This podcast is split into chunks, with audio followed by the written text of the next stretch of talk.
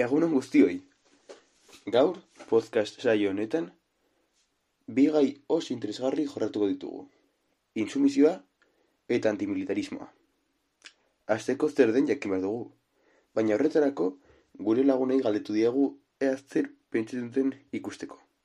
E, ba nire ustez, insumizioa derrigorrezko soldadutzari e, egiten dion mugimendua izan zen. Ah, ba, izan ere, soldadutza derrigorrezko izan zen duela hainbat urte. E, nire alta, esate baterako, e, zen soldadutz, soldadutzara joan. E, eta horren ondorioz, kartzelean eman zuen hainbat hilabete. A ber, dakidanez, e, antimilitarismoa izenak esatu den bezala, e, sistema militarraren kontra edo e, indar armatuen kontra egiten duen ideologia bat, ez? Eta intsumisioa gu bezala ezagutzen dugu e, soldadutza derrigorrezkoa zenean, pues, hori egiteari ez zaitez esatea, e, horrek ekartzen zutuen ondorio legalak jakin da, ez? Edo, ez dakit. Hau badei, zer moduz? Eh, ongi, Niko. Bueno, eh, zer dakizu eh, intsumisioari buruz? Eh, intsumisioa, laro goi, laro eta markadetan, eh, eman zen mugimendu izan zen, eh, Euskal Herrian eta Nafarroan eh, gehien. Eta zen eh, milia baztertu eta kartzela joan. Bai, hori antimilitarismo, ez? Intsumisioa. Bai, intsumisio eta antimilitarismo. Bai, bueno. Eta eh, antimilitarismo mugimendu batzuk eh, ezagutzen dituzu? Egia esan ez, intsumisioa izango zen bat, baina egia esan ez ditut ezagutzen gehiago. Vale, es- eskerrik asko. Zergatik. Kaixo, Ane? Kaixo, Zer ustez zer da intsumisioa? intsumisioa, ba, armaden edo soldaduzka e, derrigorrezkoari uko egitea da. Eta kasunen bat ezagutzen duzu? Bai, nire aitaren lagun askok parte hartu zuten mugimendu edo gatazka honetan. Em, antimilitarismoa zer den konkretuki ez dakit, baina zerbitzu militarraren kontra egotea dela suposatzen dut. Hau bai, zer moduz? Kaixo, kaixo! Zer dakizu intsumisioari buruz? Intsumisioa, ba, mm, ni daki denez da nola mm, sistemaren kontra edo mm, nola e, badakizu nola portaera bat horrela nola intsumisoa edo e, violentziarek erabili gabe, no? Bueno, eta orduan pues askotan ematen da gaur egun, ba, forma askotan nahiko gai entzuna da edo. Bai. Dakizu zerbait mu- mugimendu antimilitaristei buruz? Bai, bai, bai, ematen du zeren bakizu lehen diktaduran ba obligatoria ze zela eta ba, pertsona batzuk ez, ez zuten nahi eta ba, bueno, horiek ziren intsumisoak, no? Entzun du zerbait. Vale, eskerrik asko ibai. Venga, agur! Gure lagunik ez dute gezurrik esan, egia da. Baina, intsumisio bat benetan, zer da? E, intsumisio bat benetan, normalean estatuak egiten duenean, ba, ekintza bat edo gehiago inposatzen du, duenean, lege bat edo horrela, ba, pertsona batzuek e, lege edo ekintza hori e, ez duenez bere ideologiarekin bat egiten, ba, haren kontri irten dira, eta uko egiten diote. Orduan honek erakartzen du ba, gatazkak eta horrela, eta estatuaren partetik e, zigorrak. Adibidez, intsumisio militarrak e, normalean kartela zigorrarekin zigortuta egonda. E, azkenean, ba, normalean herrialde guztietan e, egon delako noiz, noizbait soldadutza e, derrigorrezko bat. Orduan, ari uko egitea, ba, gaizki ikusita egon, egon da ez duaren partetik. E, baina, egia da, que herrialde askotan, beste modu bat dago e, soldadutza hau ez egiteko, eta beste ekintza batzuk egiteko. E, normalean, izaera sozialekoak dira, eta intsumiso askok parte hartzen dute beste aukerari uko egin ondoren. gure kasuan, antimilitarismoa ikusiko dugunez, e, orain bertan dudan bezala, ba, antimilitarismoa da armada eta estatu den beste intarkeria moduen aurkako ideologia eta ekintza da. Hau da, e, e, estatuak ba, egiten duenean soldautzarekin e, zer ikusik do, e, daukan zerbait, ba, ariuko egin eta e, haren kontri hartzea. Gehienetan ekintza hau, anarkismoarekin eta ezker politikoaren mugimenduekin loturik agertzen da. Askotan gertatzen den gauza bat da mugimendu pazifismoarekin e, lotzen dela, eta hau da guztiz gezurra. E, azkenean pazifismoa da, e, bueno, beritzenak izaten den bezala, pazifista izatea, eta arazoak e, biolentzarekin eta barba ez konpontzea baina antimilitarismoan egia da askok, ba, ez dutela violentzia erabiltzen, baina beste askok ere e, autodefentsa pertsonala edo beste batzuk ere egiten dutena da ba, violentza, violentzia erabili estatuaren kontra jutzeko. E, azkenean estatuak ere egiten duena da, orduan horrela ikuste, ikusten dute batzuk eta hori da egiten dutena gure gizartean antimilitarismoa e, urte asko e, darama exitzen eta bueno adibidez mila beratzen da ja ikusen ditugu e, irudiak eta antimilitaristenak. Eta adibidez bere logoa normalean da e, arma bat e, apurtuta erditik apurtuta e, esku batzuekin eta bueno, hau oso ongi irudikatzen du haiek transmititu nahi dutena. Eta oso argi ikusten dute, bueno, ikusi aldugu e, irudiaren irudiari esker ba, zer esan nahi duguten eta bueno ari esker e, oso ongi ulertu dugu antimilitarismoa zer den bakarrik irudi baten bidez. Bueno, Mugimendu intsumitu ulertzeko lehenik eta behin jakin behar dugu zer nolako egoera zegoen Espainian.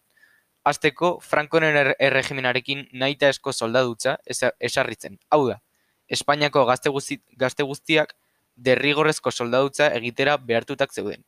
Eta egitare egiteari uko egiten bazioten delitu militar batekin zigortu, zitu, zigortu egiten zituzten. Eta zigorra hauek urte bat baino gehiagozkoa ziren. Geroago, Frankon, Frankoren erregimenaren azken urteetan, e, kontzientzia objetoren mugimendua sortu zen. Baina zer zertan datza mugimendu hau? Azteko, e, kontzientzia arrazoiengatik soldadutza ez egiteko eskubidea legez aitortzea helburu zuen e, mugimendu hau, eta e, objetoreek soldadutza egitere egiteari uk egiten zioten. Eta askotan, e, espetxe militarretan e, amaitzen zuten.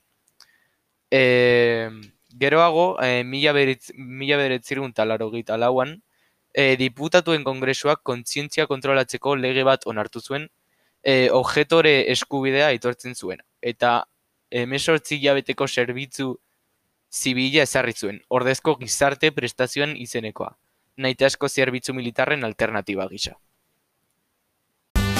te estás haciendo un chili, que te vas a pervertir. ¿Ah, ¿Cómo no? Y tienes que hacer tu macho bromuro en el zafarrancho, no lo vas a resistir. Mi sargento, mi sargento, se me cayó el chile. Di que no, di que no, di que no.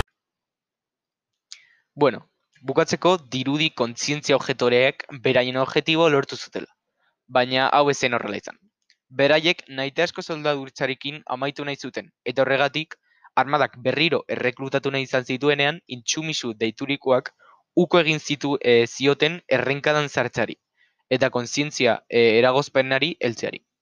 Hori egitean, delitu bat zuten, e, egiten zuten, eta berriz ere auzipetzen zituzten.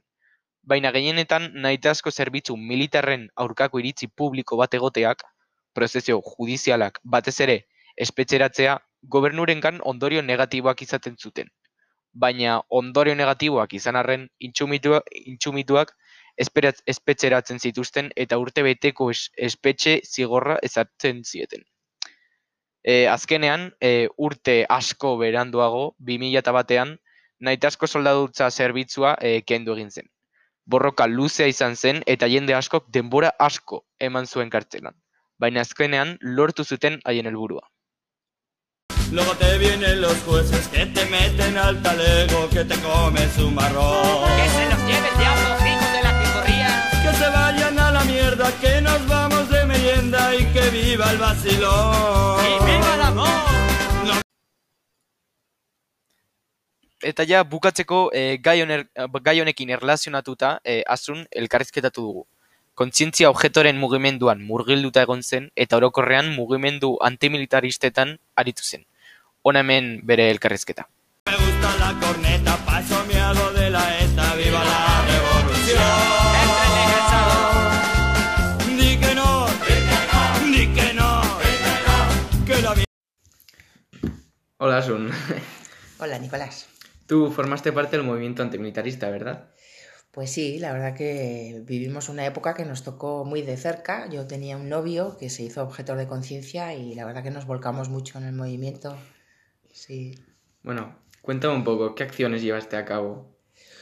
Pues la verdad que se hacían manifas muy multitudinarias. Eh, fue un movimiento que cuajó en la población, captó muchísima gente de todos los cotés. Y bueno, aparte de las manifestaciones masivas que hacíamos, pues luego hacíamos eh, concentraciones ahí en el gobierno militar, ahí en, en- cerca de la vuelta al castillo. Cada vez que iban a detener a un objetor, me acuerdo del Toñín, el Tonino Caretone, que se hace llamar ahora, que este es el, un insumiso, el que más estuvo en la cárcel. Se hacían bastantes quedadas en la cárcel. La verdad que era un movimiento muy vivo, muy vivo. Además, una sociedad súper entregada, toda la juventud entregadísima a este movimiento. Mm.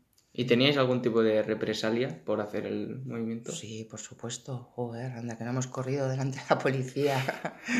en concreto recuerdo una que a mí me tocó muy de cerca, eso, una concentración que hicimos ahí en el gobierno militar. Y cargó la policía a saco contra todos los que estábamos. Buah, yo recuerdo que corríamos por la vuelta al castillo como alma que lleva el diablo. Y pues tanto que yo me tiré por las murallas y todo, vamos, tengo un tobillo jodido por, por aquella acción, sí. Estuvo, eran tiempos muy, muy bonitos, muy bonitos, porque había una, una unión que ahora yo, yo no la veo, la verdad. ¿Y qué te parece, más o menos, lo que hicisteis? Y... A mí me pareció un logro muy grande. Eran tiempos, joder, tiempos muy... Eran cañeros en, todo, en todos los aspectos. La policía, la represión que tenía era gigante, pero bueno, para lo... yo creo que conseguimos, bueno, de hecho se consiguió eliminar el servicio militar. También digo que para mí hubo grandes fallos en el movimiento, como no, la izquierda siempre dividida. Y recuerdo que había dos movimientos de objeción de conciencia, uno era el MOC y otro era Kakichat.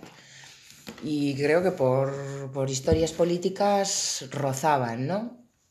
Entonces, joder, ahí se dividió bastante el movimiento, hubo alguna crisis. Pero bueno, al final el objetivo era uno, que era que el servicio militar desapareciera y es lo que conseguimos. No sé si lo conseguimos nosotros o ya tocaba o no sé, no sé qué pasó ahí exactamente. Bueno, yo quiero pensar que lo conseguimos.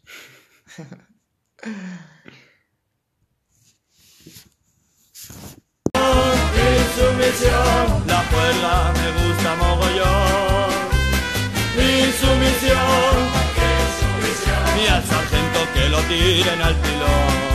No. Labor bilduz, intsumisioa soldadutzarekiko desobedientzia zibileko mugimendu antimilitarista bat izan zen. Espainian, mila bederatzireun laurogeiko amarkadaren amaieratik derrigorrezko soldaduzkaeten zen arte existitu zena. Izan ere, derrigorrezko soldaduzkara ilegalki ez joaten eta ondorio batzu jasotzen oinarritzen da. Adibidez, kartzelara joanez, prozesu judizial baten bidez askatasuna lortuz, edo klandestinitatean biziz. Insumisión, Insumisión, la juerga me gusta mogollón. Insumisión, y al sargento que lo tiren al pilón. Des desobedientzia zibila ondorioak ekartzen ditu beti. Kasu bati bizibilitatea emanaldio, legeak aldatu dezake, edota manifestatzen diren pertsonak zaratutak izan aldira. Hau da, denetarik gerta daiteke. Hala ere, guazen Espainia estatuko insumisioak ekarri zuen ondorioak aztertzera. Izan ere, beren errebindikazioak, kontzentrazioak eta barren esker, gobernuak bere legeak erreformatu bat zituen eta intsumisioarekin otutako delituak ezabatu ziren. Amnistia eman zen lau mila intsumisio inguruentzat, eta hogei intsumisio inguru kuarteletan. Gainera, derrigorrezko soldadutza kendu egin zen. Yo quiero vivir.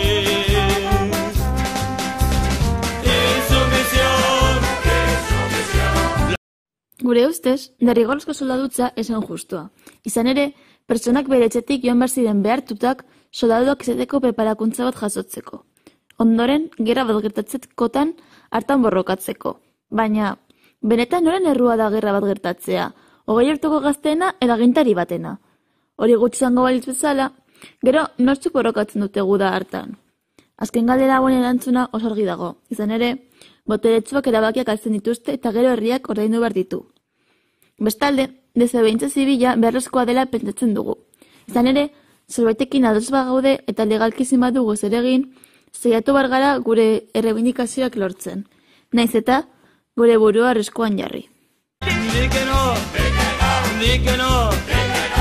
Que la mili no me gusta y que a mí nadie me asusta. Lo que yo quiero es vivir. Beno, ba, e, hau izango zen guztia. Eskerrik asko podcasta hau entzutagatik, eta, bueno, espero dugu interesgarria iruditu izana, eta insumisioari buruz zerbait ikasi izana ere. Eta noski, animatzen dizuegu, informazioanekin zeure buruari galderak egitea, eta iritzi pertsonal bat sortzea.